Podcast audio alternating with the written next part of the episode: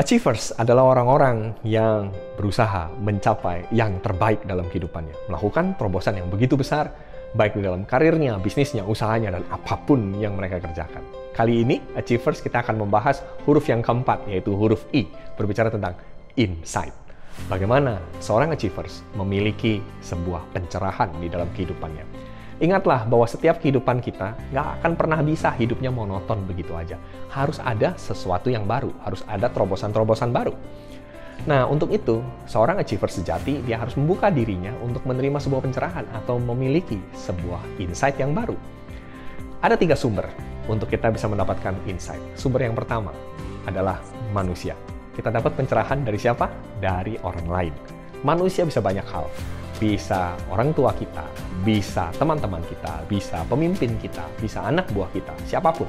Mereka bisa memberikan sebuah inspirasi kepada diri kita.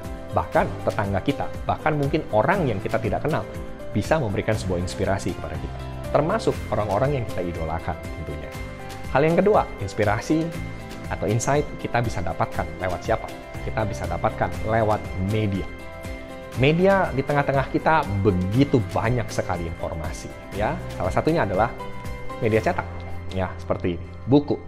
Ada begitu banyak buku ya di dalam diri kita di dalam kehidupan kita di dalam keseharian kita. Cuma masalahnya gini kita membeli begitu banyak buku cuma kita baca atau enggak ya. Nah yang saya pegang di sini adalah buku tentang arsitek. Menarik sekali saya berpikir oh ilmu arsitek ya biasanya berbahasa Inggris. Tapi yang saya baca ini ternyata berbahasa Korea ini menarik sekali.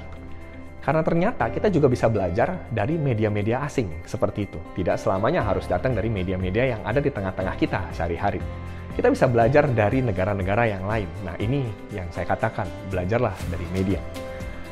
Media bukan hanya bicara soal media cetak, tapi juga bicara tentang media elektronik seperti TV, ya seperti digital streaming seperti itu.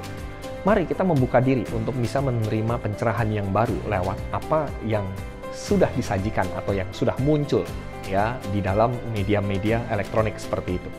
Gunakan waktu juga dengan bijak, bukan hanya sekedar menyerap, bukan hanya sekedar menerima atau mengkonsumsi, tapi juga harus punya waktu untuk mengolahnya menjadi sebuah bahan yang menarik dan baik.